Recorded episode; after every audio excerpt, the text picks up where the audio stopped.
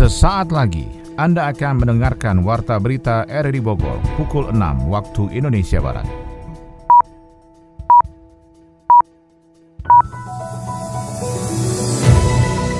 Selamat pagi dan salam jumpa. Kita hadir kembali dalam Warta Berita edisi hari ini Kamis 16 September 2021. Siaran ini juga bisa Anda dengarkan lewat audio streaming pada aplikasi RRI Play di smartphone Anda dan juga turut disiarkan radio Tegar Beriman Kabupaten Bogor. Berita utama hari ini adalah pelaku UMKM di kalangan anak muda Bogor terus bergerak lewat digitalisasi produk dan pemasaran. Mereka harus beradaptasi kemudian mencari lingkungan-lingkungan yang memaksa mereka untuk tumbuh. Pelatih woodball di Bogor sangat menyayangkan cabang olahraga tersebut masih dipandang sebelah mata oleh pemerintah. Dengan prestasi yang kita torehkan, mengibarkan bendera merah putih di negara orang, tapi kenapa football nggak dianggap sama sekali? Saya Maulana Isnarto, inilah Warta Berita selengkapnya.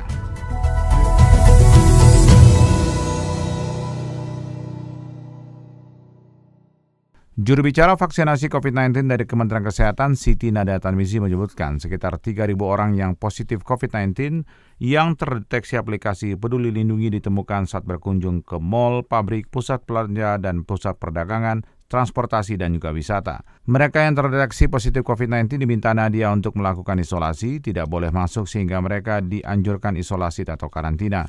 Nadia mengatakan hal itu dilakukan agar penularan COVID-19 tidak meluas, Petugas yang berjaga di pintu masuk tempat wisata misalnya harus melakukan pengawasan ketat agar mereka yang positif tidak lolos pemeriksaan. Sebelumnya, Menteri Kesehatan Budi Gunadi Sadikin mengungkapkan data aplikasi Peduli Lindungi yang mendeteksi 3.830 orang positif COVID-19 yang masih beraktivitas di tempat umum. Dari jumlah itu, 3.000 orang positif COVID terdeteksi beraktivitas di mal atau di tanan mal.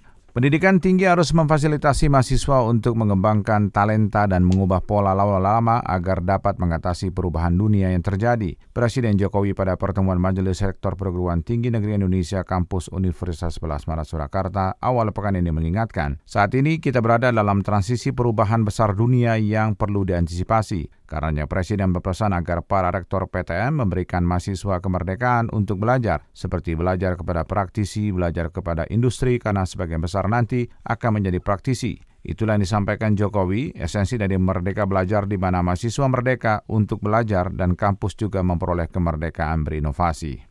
Dinas Perhubungan Kota Bogor bersama petugas gabungan TNI Polri dan Satpol PP mensosialisasikan kawasan bebas ojek online di Kota Bogor. Ada enam titik ruas jalan yang menjadi kawasan bebas ojek online di seputaran area jalur sistem satu arah SSA, yakni Jalan Pajajaran, Jalan Otista, Jalan Haji Juanda, Jalan Jalak Harupat, Jalan Kapten Muslihat, dan Jalan Paledang 50 meter dari Simpang Kapten Muslihat. Bagi para pengemudi ojek online dilarang untuk mangkal atau berhenti di area tersebut kecuali untuk mengantar jemput penumpang. Dasar hukum kebijakan itu didasarkan atas Permen Hub 12 2019 tentang perlindungan keselamatan pengguna sepeda motor yang digunakan untuk kepentingan masyarakat. Peraturan itu mengatur keteraturan untuk pengemudi dan aplikator dalam memberikan pelayanan kepada penumpang. Salah satunya adalah pengemudi dilarang mangkal di sembarang tempat. Sengketa dan klaim kepemilikan lahan di atas lahan milik pengembang Sentul City di Kecamatan Babakan Madang, Kabupaten Bogor, Jawa Barat kerap terjadi. Kita ikuti laporan Yofri Haryadi. Sengketa dan klaim kepemilikan lahan di atas plottingan milik pengembang Sentul City di Kecamatan Babakan Madang, Kabupaten Bogor kerap terjadi. Munculnya perkara itu pun bermula pada satu persoalan hukum yakni pembuktian atas penggunaan aset dan lahan khususnya di bidang tanah di Desa Bojongkoneng, Kecamatan Babakan Madang yang ternyata 90% lahan di desa tersebut masuk dalam plotting Sentul City yang didasarkan pada pelepasan HGU PT Perkebunan Nusantara 12 Pasir Madang seluas 1.100 hektar pada tahun 1990. Inilah yang kerap memicu polemik pertanahan di wilayah tersebut. Para penjual atau spekulan tanah memanfaatkan bukti tanah yang lebih lama seperti perfonding atau agendom agar memperoleh hak garap atau dijadikan modus oknum desa menerbitkan surat girik dan keterangan tidak sengketa untuk diperjualbelikan kepada konsumennya. Dan dari sinilah perkara tersebut bermula. Kasus klaim lahan Rocky Gerung bukanlah yang pertama terjadi. Di Kabupaten Bogor dan Bupati Bogor Ade Yasin tidak akan mengambil langkah apa pun selain menyerahkan perkara tersebut melalui proses pengadilan. Kita belum ada karena memang belum ada surat aduan dari kedua pihak ya. Silakan aja diselesaikan secara hukum. Karena kan statusnya kan masing-masing punya bukti paling ya. Adu bukti di pengadilan. Mereka yang bersengketa akan membuka bukti dan data pada sidang pengadilan untuk menguatkan kedudukan atas tanah yang digarapnya, termasuk Rocky Gerung yang menggarap 800 meter persegi lahan yang telah dibangun rumah kayu di atas bukit di Pasir Madang, Bojongkoneng, Babakan Madang, Kabupaten Bogor. Sekarang saya mau terangkan bahwa ini bukan soal saya aja. Ada 90 kakak, 6.000 orang yang mengalami nasib yang sama.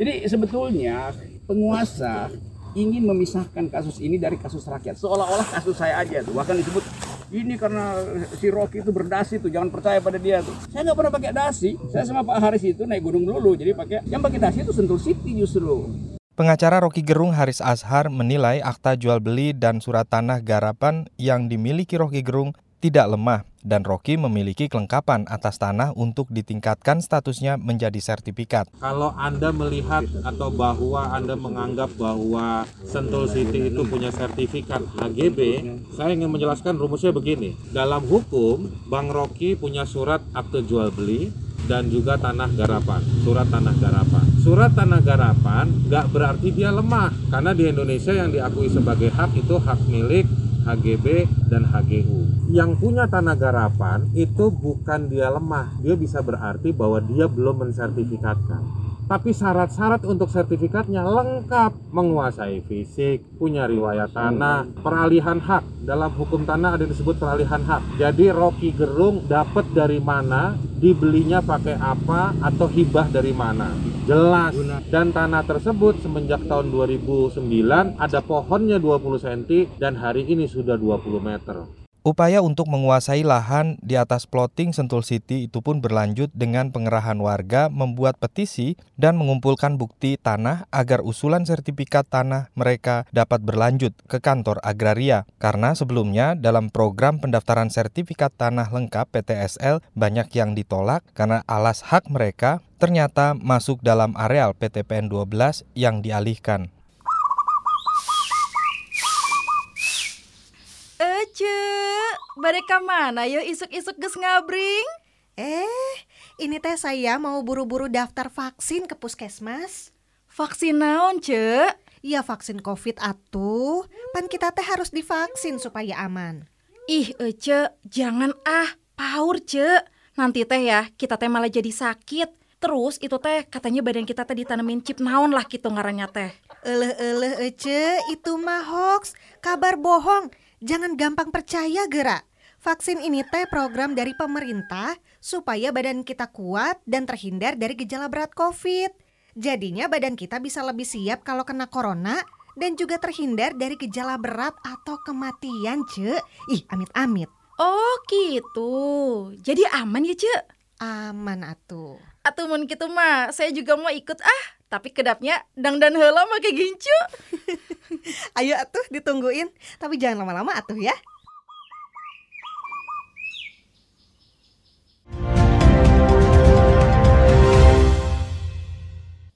Pada periode pertama kepemimpinannya, Wali Kota Bogor Bima Arya meminta seluruh jajaran perangkat daerah di lingkungan memiliki akun sosial media dalam merespon aduan warga. Kemudian periode kedua kepemimpinannya, ia meminta dibuatkan sistem yang lebih terintegrasi dalam respon aduan masyarakat melalui aplikasi Sibadra atau sistem informasi berbagai aduan dan saran. Saat menerima perwakilan Ombudsman di Balai Kota Bogor awal pekan ini, Bima menjelaskan inovasi sistem yang dibangun pemerintah Kota Bogor dalam merespon aduan warga, di antaranya mekanisme merespon aduan publik yang telah berjalan sejak dua tahun terakhir. Sistem terintegrasi menurutnya cukup banyak manfaat, di antaranya mampu mengidentifikasi persoalan secara daring, dapat memastikan dan mengetahui perangkat daerah yang aktif dan pasif dalam respon, mendorong transparansi dalam penanganan masalah dan menjadi jembatan komunikasi antara pemerintah dan masyarakat. Pelaku UMKM di kalangan anak muda Bogor terus bergerak lewat digitalisasi produk dan pemasaran. Laporannya disampaikan Sony Agung Saputra.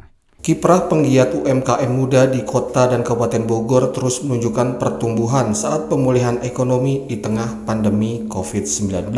Angka kasus COVID-19 yang melandai dalam beberapa pekan ini menjadi salah satu peluang untuk meningkatkan pertumbuhan UMKM di Bogor dengan menggencarkan promosi produk. Salah seorang penggiat UMKM, Rizky Pangestu, menuturkan untuk lebih mengoptimalkan pemasaran produknya, pihaknya menyediakan aplikasi digital sebagai upaya membantu permodalan. Masyarakat bisa mendonasikan permodalan kepada pelaku UMKM dengan modal minimal 2 juta rupiah, kemudian pemodal bisa mendapatkan keuntungan dari perputaran uang dari usaha yang dijalankan. Bisa mendeliver ke seluruh pelosok negeri Indonesia, mereka akan sulit untuk tumbuh. Bantuannya mereka harus banyak ikut komunitas pertama. Namanya UMKM ini, mereka seorang pengusaha UMKM menengah, mereka harus beradaptasi kemudian mencari lingkungan-lingkungan yang memaksa mereka untuk tumbuh. Memaksa ya, karena kalau mereka tidak dipaksa untuk tumbuh, sulit untuk berkembang gitu. Jadi mereka biasanya di komunitas-komunitas itu disediakan toolsnya, disediakan digital marketingnya, disediakan inkubatornya, sampai bagaimana pembuatan laporan keuangan yang baik. Karena mayoritas dari UMKM Indonesia ini memang mereka belum melaksanakan pencatatan dan laporan laba rugi dan neraca yang baik. Sementara itu, Rektor Institut Tatskia Bogor Murniati Muslimin menekankan generasi muda harus tertarik terjun ke dunia UMKM dengan adanya pendampingan dari kampus. Upaya untuk menjadikan pelaku UMKM juga dilakukan kampus Tatskia, sehingga mahasiswa yang saat ini menempuh pembelajaran juga mendapatkan mata kuliah wira swasta dan digitalisasi sebagai bekal tambahan setelah lulus kuliah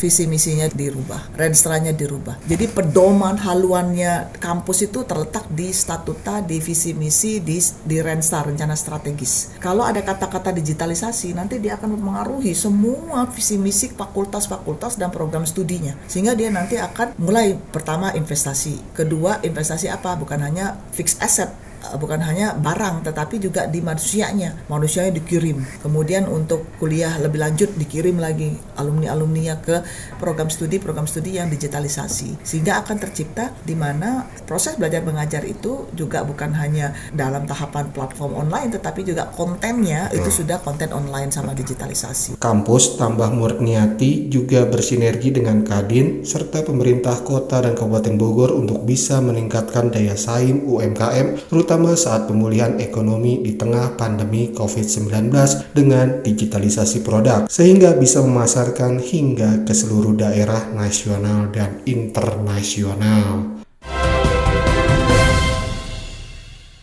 Dari ekonomi dikabarkan Kementerian Pariwisata dan Ekonomi Kreatif menyalurkan bantuan insentif untuk UMKM di bidang pariwisata dan ekonomi kreatif. Sementara itu Korea Selatan melalui perusahaan-perusahaan nasionalnya mulai merealisasikan investasi industri kendaraan listrik. Laporannya akan disampaikan Adi Fajar Nugraha.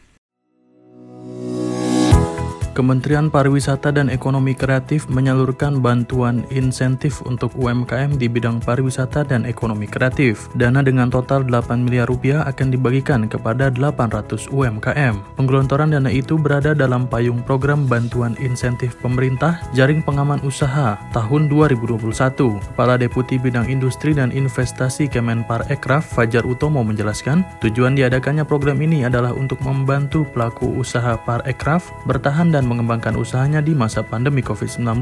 Fajar juga menjelaskan, animo pelaku UMKM sangat besar untuk program ini. Setidaknya sebanyak 17.226 UMKM telah mendaftar untuk mendapatkan bantuan itu. Namun karena dananya terbatas, Kemenpar Ekraf melalui tim independen melakukan seleksi untuk menjaring UMKM paling potensial mendapatkan bantuan tersebut. Dari 17.226 pendaftar yang lolos seleksi administrasi, hanya sebanyak 2.007 UMKM. Kemudian setelah dikurasi lagi, lagi jumlahnya menjadi 800 penerima.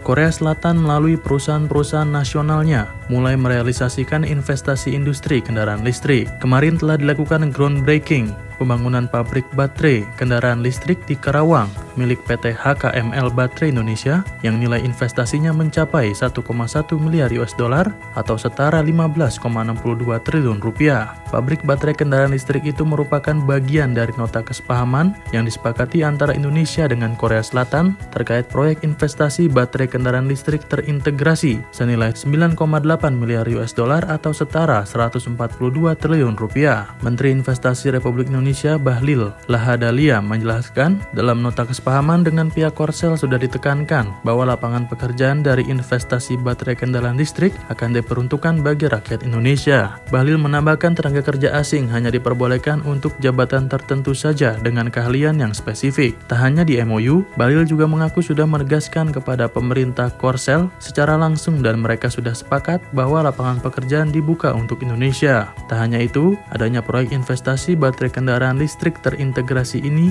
juga akan menjalin kerjasama tidak hanya dengan BUMN, tetapi juga dengan pengusaha nasional di daerah dan UMKM.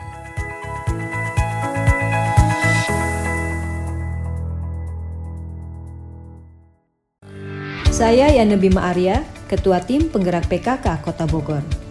Mari bersama RRI, Radio Tanggap Bencana COVID-19. Saya himbau seluruh warga Bogor untuk menggunakan masker tanpa terkecuali untuk memutus rantai penularan COVID-19. Tetap lakukan jaga jarak, jaga pola makan, jaga hati, dan jaga pikiran. Ayo kita sehat bersama.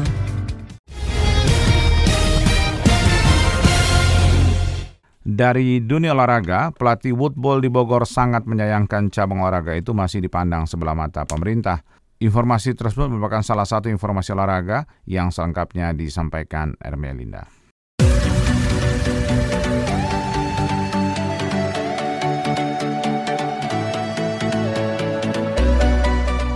Piala Sudirman 2021 menjadi ajang pembuktian bagi dua tunggal putri junior Indonesia di mana Putri Kusuma Wardani dan Esther Nurumitri Wardoyo bersaing di level elit dunia. Kepala pelatih tunggal putri pelatnas PBSI Cipayung Rioni Mainaki memberikan kesempatan kepada Putri KW dan Esther untuk menjadi bagian dari skuad Indonesia pada Piala Sudirman 2021 bersama dengan Gregoria Mariska Tunjung. Nama Putri KW dan Esther bahkan tidak masuk dalam jajaran 100 dunia peringkat BWF.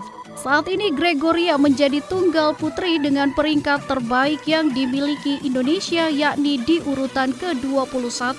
Indonesia masih punya nama lain di deretan peringkat 100 dunia seperti Fitriani, Ruseli Hartawan, dan Liani Alessandra Mainaki yang tidak diikut sertakan pada Piala Sudirman kali ini. Rioni juga memutuskan untuk membawa pasangan Rinov Rivaldi dan Pita Haningtyas Mentari yang saat ini berada pada peringkat 21 BWF. Rioni justru meninggalkan Hafiz Faizal dan juga Gloria yang punya peringkat lebih baik pada urutan dunia yakni 9 dunia. Rinov dan Pita akan mendampingi Praven Jordan dan Melati Daeva yang menjadi pasangan ganda campuran utama tim Indonesia pada Piala Sudirman 2021. Praven dan Melati saat ini berada pada peringkat keempat dunia.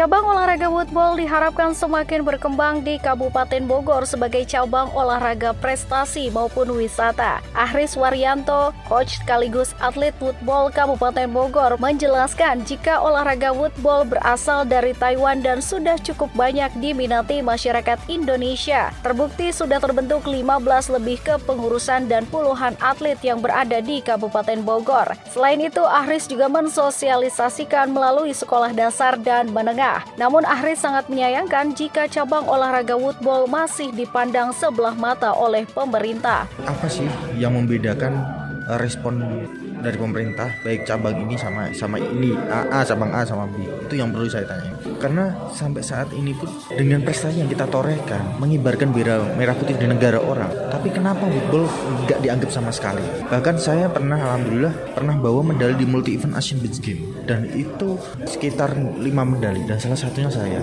Tapi ya udah selama habis membela ya udah. Kita sebenarnya tidak butuh apa-apa tapi karena kita cinta negara kita cinta cabang kita pengen cabang kita tuh berkembang tapi sampai saat ini hanya cabang-cabang tertentu yang dibumingkan pada saat muda tapi kita juga ya itu salah satu tujuan olimpiade kenapa kita masih sedikit banyak cabang bahkan saya sendiri dalam sebuah turnamen minimal saya bawa medali dua emas di dunia itu kelasnya dunia. Alhamdulillah sampai di kejuaraan Asia. Asian Beach Games saya Asian Games multi event yang beach itu saya juga dapat medali emas gitu. Jadi banyak cabang-cabang yang sebenarnya potensi di situ tapi tidak dianggap karena kurang tahu apakah ini karena segi politik atau apa kurang tahu. Padahal yang penting kan merah putih itu berkibar. Apa ada alasan lain yang lebih penting dari itu? Kalau memang ada, kita akan cari sehingga football ini semakin berkembang, football ini semakin dianggap. Ahris menjelaskan woodball adalah olahraga yang mirip dengan golf namun menggunakan stick dan bola kayu tersebut juga bisa masuk ke dalam olahraga wisata. Bahkan penyelenggaraannya tidak hanya bisa di lapangan sepak bola tetapi di rumput dan pantai ataupun pasir. Selain itu alatnya sendiri harganya pun sangat terjangkau. Ahris berharap ke depan akan semakin pesat perkembangan cabang olahraga woodball karena PON 2024 di Aceh diagendakan akan dipertandingkan. Sementara itu Ketua KONI Kota Bogor Benino Argobi juga menjelaskan bagaimana cabang olahraga yang ada sekarang di Indonesia dinilai kurang sehat karena ada kepentingan lain di dalamnya. Sehingga menurut Benino, cabang olahraga di Indonesia tidak akan pernah maju. Kondisi olahraga hari ini di Indonesia, terutama kalau saya merasakan sekarang menjelang PON lah ya, kalau kita bicara menjelang PON. Yang sehat-sehat, yang sakit-sakit beberapa pengurus besar pengurus besar olahraga seperti tadi kalau kita mau bikin regulasi yang memang atlet sudah internasional atlet sudah pernah ikut si game Asian Games nggak boleh main kalau itu mau disamaratakan semua samaratakan semua. Masih banyak PBPB yang sekarang bagaimana berpikir adalah untuk memenangkan tuan rumah. Jadi sampai kapan juga nggak akan kita bisa maju olahraga. Tapi yang pasti kalau kita bicara olahraga bicara sportivitas. Sportivitas aja. Kalau pelaksanaan PON ini sudah berasaskan sportivitas hasil PON kita kita rasakan di SEA Games, hasil PON kita rasakan di Asian Games, hasil PON kita rasakan di Olimpiade.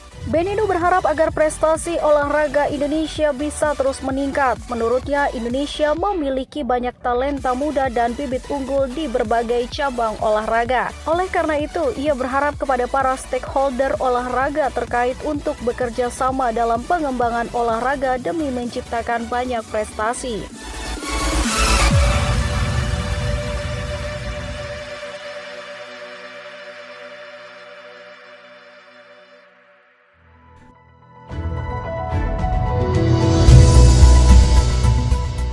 Demikian rangkaian informasi yang kami hadirkan dalam Warta Berita di edisi hari ini. Sebelum bisa kami sampaikan kembali berita utama. Pelaku UMKM di kalangan anak muda Bogor terus bergerak lewat digitalisasi produk dan pemasaran. Pelatih woodball di Bogor sangat menyayangkan cabang olahraga tersebut masih dipandang sebelah mata oleh pemerintah. Dan akhirnya saya Olane Salto, mewakili tim yang bertugas untuk edisi hari ini mengucapkan terima kasih atas perhatian Anda. Selamat pagi, sampai jumpa.